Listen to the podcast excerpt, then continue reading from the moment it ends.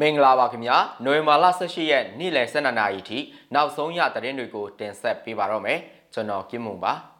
တီးတိမ်အမျိုးသမီးနှစ်ဦးမတရားပြုတ်ကျင်းခံရကြောင်းတိုက်တန်းမှုစစ်ကောင်စီစုံစမ်းမယ်ဆိုတဲ့သတင်းလာမယ့်ဇန်နဝါရီလမှာထိုင်းတရုတ်နယ်စပ်ကုန်သွယ်ရေးလမ်းကြောင်းတွေပြန်လည်ဖွင့်လှစ်ဖို့စီစဉ်နေတဲ့သတင်းမတူပီမြို့နယ်ငလိုက်ကျေးရွာကခရီးယန်ဓမ္မဆရာဦးငိုင်ကုန်းကိုစစ်ကောင်စီကစစ်ကြောရေးမှတင်တပ်ဖြတ်တဲ့သတင်းနဲ့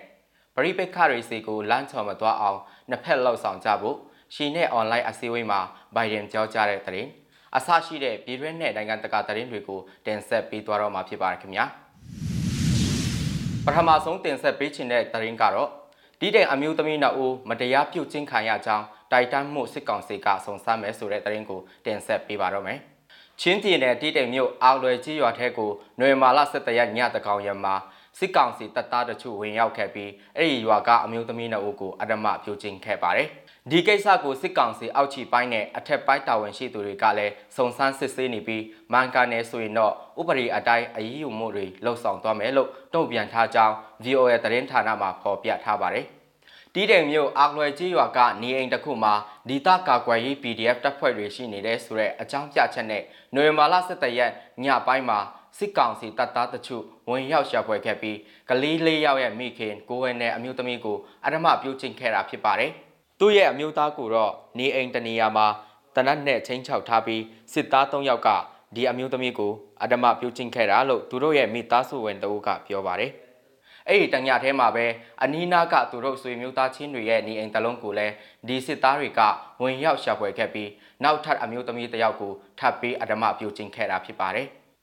စစ်ကောင်စီတပ်သားတွေကအခုလိုအနိုင်ကျင့်ခဲ့တယ်ဆိုတာပထမအမျိုးသမီးကအခင်းဖြစ်ပြီး၃ရက်အကြာမှာပဲကြီးရွာအုပ်ချုပ်ရေးမှုကိုတိုက်တန်းခဲ့ပါတယ်။ဒုတိယအမျိုးသမီးကတော့ကြောက်ရွံ့နေတဲ့အတွက်မနီကနိုဝင်ဘာလ18ရက်ကြာမှသူအဓမ္မပြုတ်ချင်းခံရတယ်ဆိုတာဝန်ခံလိုက်တာလို့ဆိုပါတယ်။ကျွန်တော်တို့အနေနဲ့ကတော့ဒီဖြစ်စဉ်နဲ့ပတ်သက်ပြီးစုံစမ်းနေဆဲရှိသေးတယ်။ဒီလိုဖြစ်စဉ်မျိုးတွေဖြစ်ခဲ့တယ်ဆိုရင်လည်းဖြစ်ခဲ့မဖြစ်ခဲ့ဆိုတာကိုလည်းကျွန်တော်တို့မသိသေးဘူး။ ဖြစ်တယ်ဆိုရင်လည်းကျွန်တော်တို့ကစုံစမ်းစစ်ဆေးလို့မှန်ကန်တယ်ဆိုရင်လည်းတရားဥပဒေအရအရေးယူဆောင်ရွက်ပါတယ်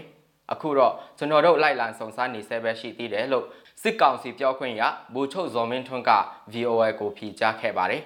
စစ်သား၃ယောက်ကပထမအမျိုးသမီးကိုညတကောင်မှာမရင်းချင်းခဲ့တာဖြစ်ပြီးမနေ့အစောပိုင်းမှာအဲ့ဒီထဲကနေယောက်ကနောက်တစ်ကြိမ်ထပ်မံလာရောက်ပြီးဒုတိယအကြိမ်မရင်းချင်းခဲ့တာပါ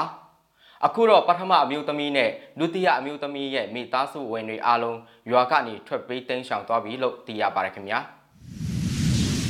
နောက်ထပ်သတင်းတပုတ်အနေနဲ့လာမယ့်ဇန်နဝါရီလမှာထိုင်းတရုတ်နယ်စပ်ကုန်းသွယ်ရေးလမ်းကြောင်းတွေပြန်လည်ဖွင့်လှစ်ဖို့စီစဉ်နေတဲ့သတင်းကိုတင်ဆက်ပေးချင်ပါတယ်ခင်ဗျာ လာမယ့်ဇန်နဝါရီလမှာထိုင်းနဲ့တရုတ်နယ်စပ်ကုန်းသွယ်ရေးလမ်းကြောင်းတွေကိုပြန်လည်ဖွင့်လှစ်နိုင်ဖို့စီစဉ်နေတယ်လို့စစ်ကောင်စီရဲ့ပြန်ကြားရေးဝန်ကြီးဖြစ်သူဦးမောင်မောင်အောင်က This Week in Asia ရဲ့တွေ့ဆုံမေးမြန်းမှုမှာထည့်သွင်းဖြေကြားခဲ့ပါတယ်။နိုင်ငံတကာကစောင့်ကြည့်သူတွေရဲ့မြန်မာစီးပွားရေးကျဆင်းမှုအပေါ်စိုးရိမ်မှုတွေဖြစ်နေစေကမူယခုအခါစီးပွားရေးယုံကြည်မှုပြန်လည်ရရှိလာမဲ့လက္ခဏာအဖြစ်မျှော်လင့်ထားတယ်လို့ဆိုပါတယ်။ဒါ့အပြင် COVID-19 ကပ်ရောဂါကြောင့်ယာယီရပ်နားထားတဲ့စီးပွားဖြစ်နိုင်ငံတကာလီကျောင်းခရီးစဉ်တွေကိုလည်း2022ခုနှစ်ပထမ3လပတ်အတွင်းပြန်လည်စတင်နိုင်ရန်စီစဉ်နေတယ်လို့ဦးမောင်မောင်အောင်ကပြောပါတယ်။ရုရှားတရုတ်နဲ့အိန္ဒိယနိုင်ငံတို့ကပုဂ္ဂလိကယင်းနှိမ့်မြုပ်နှံသူတွေအနေနဲ့လည်းနယ်စပ်လမ်းကြောင်းတွေပြန်လည်ဖွင့်လှစ်နိုင်ဖို့အတွက်စိတ်အားထက်သန်သူတွေထဲမှာပါနေတယ်လို့လည်းသူကဆိုပါတယ်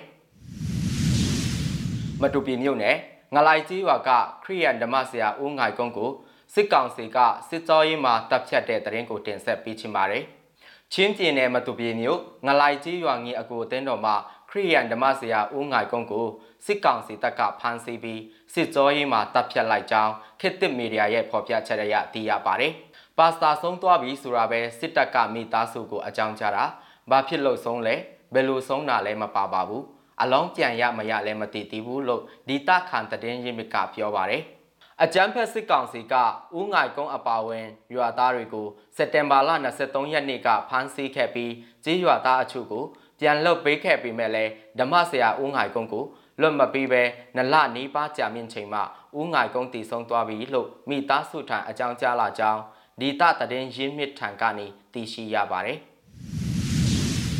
ပရိပက္ခရီစီကိုလမ်းချော်မသွားအောင်နှစ်ဖက်လှုပ်ဆောင်ကြဖို့ရှီနဲ့အွန်လိုင်းအစည်းအဝေးမှာဘိုင်ဒန်ပြောကြားတဲ့နိုင်ငံတကာသတင်းကိုလည်းစူးစားရအောင်ပါ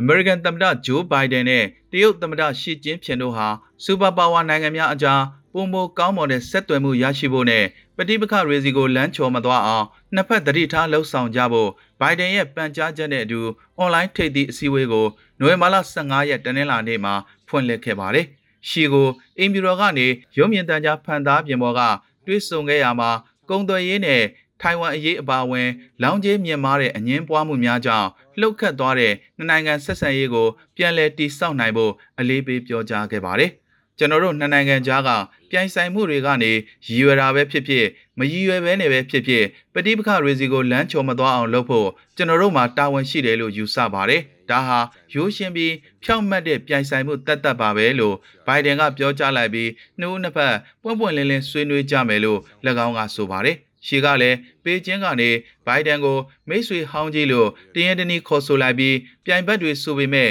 ပုံမနီးကပ်စွာလှုပ်ဆောင်ရမယ်လို့ပြောကြားခဲ့ပါတယ်။စင်ခေါ်မှုတွေကိုကျွန်တော်တို့အတူတူရင်ဆိုင်နေကြရတယ်။ကမ္ဘာအကြီးဆုံးစီးပွားရေးနိုင်ငံတွေနဲ့ကုလသမဂ္ဂလုံခြုံရေးကောင်စီရဲ့အမြဲတမ်းအဖွဲ့ဝင်နိုင်ငံတွေဖြစ်တဲ့တရုတ် အမေရိကန်တို့ဟာနှစ်နိုင်ငံဆက်ဆံရေးနဲ့ပူးပေါင်းဆောင်ရွက်မှုတွေတိုးမြင့်လှုပ်ဆောင်ဖို့လိုအပ်ပါတယ်လို့တကားပိတ်အစည်းအဝေးမတိုင်မီစကားပြန်ကတဆင့် အတူချုပ်မှတ်ချက်များပြောကြားခဲ့ပါတယ်။ခေါင်းဆောင်တို့ဦးဟာ January လဘိုင်ဒန်စတင်တာဝန်ယူချိန်ကစလို့နှစ်ကြိမ်တိုင်တိုင်ဖုန်းနဲ့ဆက်သွယ်ပြောဆိုခဲ့ကြပေမဲ့ကက်ရောဂါကြောင့် နိုင်ငံရခြားကိုတွားရောက်ဖို့ရှီကညင်းဆိုခဲ့တဲ့အတွက်လူကိုယ်တိုင်ထိပ်သီးအစည်းအဝေးပွဲအစားအွန်လိုင်းဗီဒီယိုတွေ့ဆုံပွဲကိုရွေးချယ်ခဲ့ကြပါတယ်။အင်မီတော်ပြောခွင့်ရ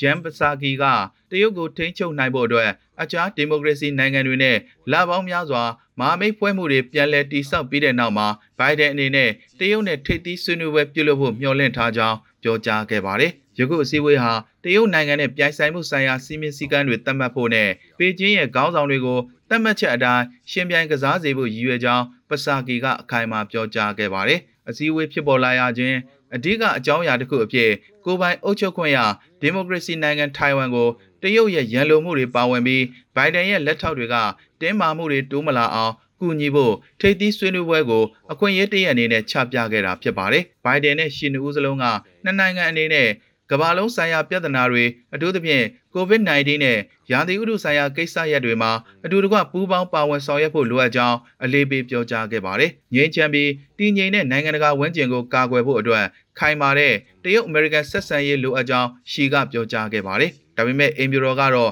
ထိပ်သီးအစည်းအဝေးဟာမိမိတို့မျှော်လင့်ထားသလိုအစည်းအဝေးမဟုတ်ကြောင်းတရားဝင်ထုတ်ဖော်ကြေညာခဲ့ပါတယ်။